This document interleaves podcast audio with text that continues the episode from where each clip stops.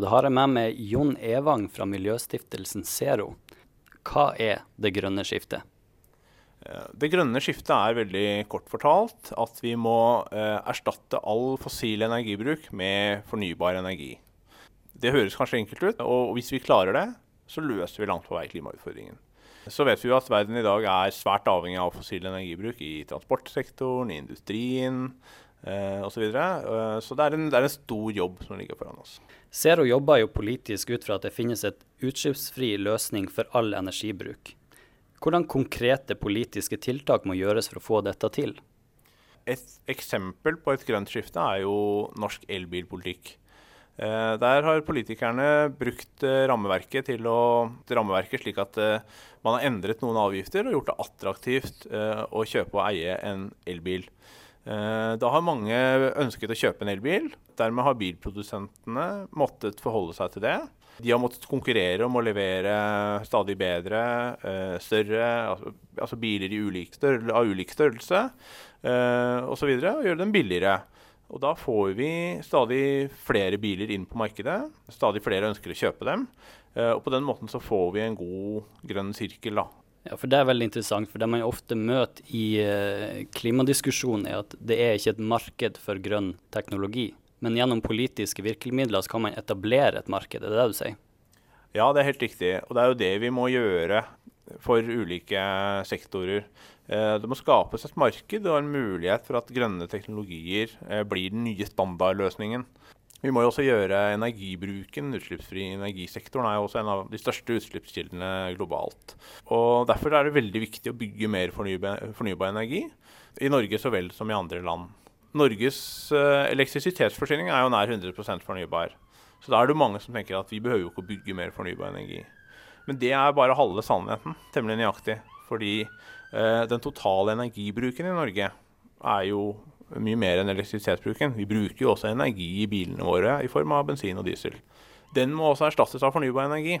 Uh, og det uh, tilsvarer ca. 50% av den totale energibruken i Norge er fossil. Den må erstattes av fornybar. Ergo trenger vi også i Norge å bygge mer fornybar energi. Selv om vi klarer å bytte alle bensin- og dieselbiler ut med elbiler, så vil du alltid se behov for smøremidler, plast, sånne type ting. Du mener at det finnes et utslippsfritt alternativ til det her også? Ja, absolutt. Eh, alle bestanddeler eh, kan i prinsippet erstattes med fornybare løsninger. Uh, og det gjøres enorme fremskritt innen, innen, bioøkonomien, som det heter. da. Uh, den, den, delen av næringslivet som handler om å ta i bruk biomasse til å lage nye produkter. Da kan man jo lage alt fra smøreoljer til medisiner, planteplast osv. Slik at Der finnes det enorme muligheter, og de er man i ferd med å ta i bruk. Vi må få til et grønt skifte liksom, i hele kjeden da, av, av en produksjon. Den må produseres med fornybar energi produksjonsprosessene må ha eh, fornybare eh, produksjonsmidler. Eh, og, og, sluttproduktet vil jo da også være utslippsfritt eh, i form av f.eks. For en elbil eller et, et bioplastprodukt og så lignende. Så sånn er det mulig å, å, å, tenke seg et grønt skifte helt gjennomgående da, for uh, ulike sektorer. Kan du nevne noen næringer i Norge som står i startgropa til det grønne skiftet? Jeg mener den maritime næringen står foran et, uh, i startgruppa for et grønt skifte nå. I fjor så fikk vi elfergen Ampere, en ferge som i dag går i drift på en trekning i Sogn og Fjordane. Og nå i går så fikk vi beskjed om at det er lyst ut nye anbud på elferger på fergestrekningen på E39 på Vestlandet. Uh, og det gjør at vi nå kan bygge videre på den innovasjonen, den, det, det, arbeidet som blir gjort med elfergen Ampere. Nå kan de som var med å produsere den, og andre, være med å konkurrere om nye anbud på å bygge utslippsfrie bilferger. Uh, og da kan Norge, uh, og, på den måten bygger Norge sin kompetanse og, ekspertise på, på den, den, skipstypen. Og det kan uh, være en næring som både kan bidra til at vi faser ut etter hvert får en utslippsfri fergetransport i Norge. Men som også da kan, eh, etter hvert som det kommer strengere krav i, i tråd med, med, klimautfordringen på verdensbasis, så kan det bli en eksportnæring for, eh, for norske, norske, verft. Mye av fokuset ligger altså på transportnæringa. Men vet du om andre teknologiske innovasjonsprodukter som Norge prøver å utvikle, eller har forsøkt å utvikle? Ja, altså eh, Også på industrisiden så gjøres det jo spennende ting. Og i Norge så er det f.eks. For eh, forsøk med å kutte bruken av eh, kull i metallindustrien, altså som, som produksjonsmiddel, eh, og erstatte det med f.eks. hydrogen. Klarer vi det, så kan vi kutte utslippene fra metallindustrien med 90 Uh, og det er klart, Hvis den løsningen kan eksporteres til si, hele verdens metallindustri, ja, så har vi jo virkelig kuttet så det monner. Så det er også en, et, et, sted hvor vi ser at mange norske industrikonsern, som også er helt eller delvis internasjonalt eiet, bruker Norge som et, et, et teststed da, for å utvikle nye produksjonsteknologier eh, i sine virksomheter. Så der har norsk industri en mulighet til å ligge i forkant i, i det grønne skiftet i industrien. Hvordan er investeringsviljen i sånn type teknologi? Ja, Den er oppadgående, men fortsatt for lav. Eh, vi pleier å si at kapital er den viktigste råvaren i det grønne skiftet. Når det gjelder viljen til å investere i miljøteknologi, så tror vi at det skjer en positiv endring nå. Eh, det statlige virkemiddelapparatet, da, så de eh, Innovasjon Norge, Enova, disse som, som gir støtte da, til nye prosjekter, får stadig mer penger. Eh, så trenger de enda litt mer fremover for å klare å eh, realisere de litt dristige, litt store i fremtidsrettede prosjektene. Da oljeindustrien etablerte seg i Norge på slutten av 60- begynnelsen av 70-tallet, så fikk de et skattefradrag på over 70% av alle kostnadene ved investering på norsk sokkel. Kunne lignende insentivordning lagt grunnlaget for investeringsvilje i grønn næring? Det har vært diskutert, og jeg mener man burde vurdere det for f.eks. havvind.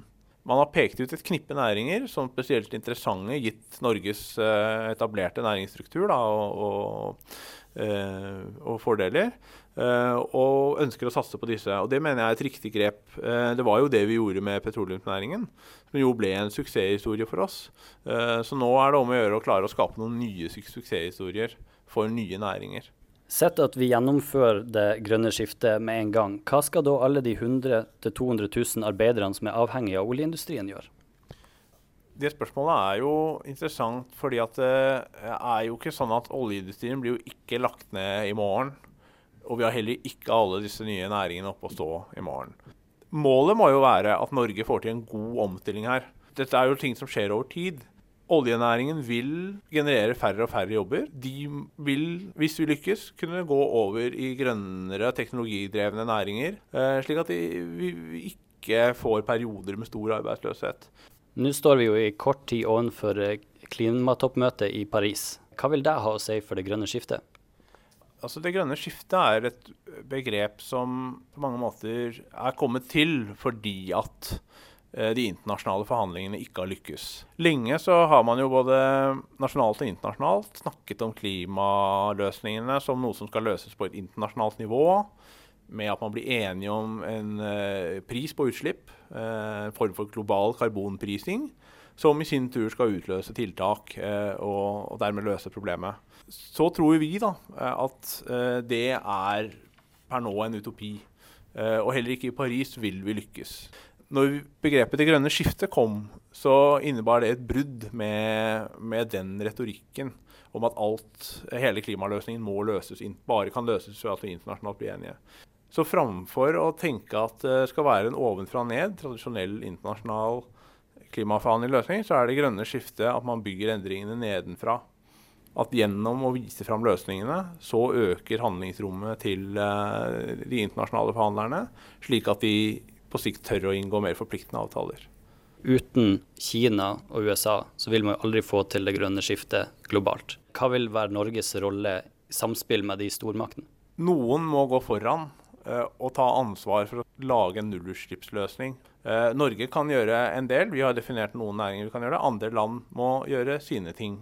Så det du sier at hvis Norge skaper løsningen, så vil stormakten komme etter?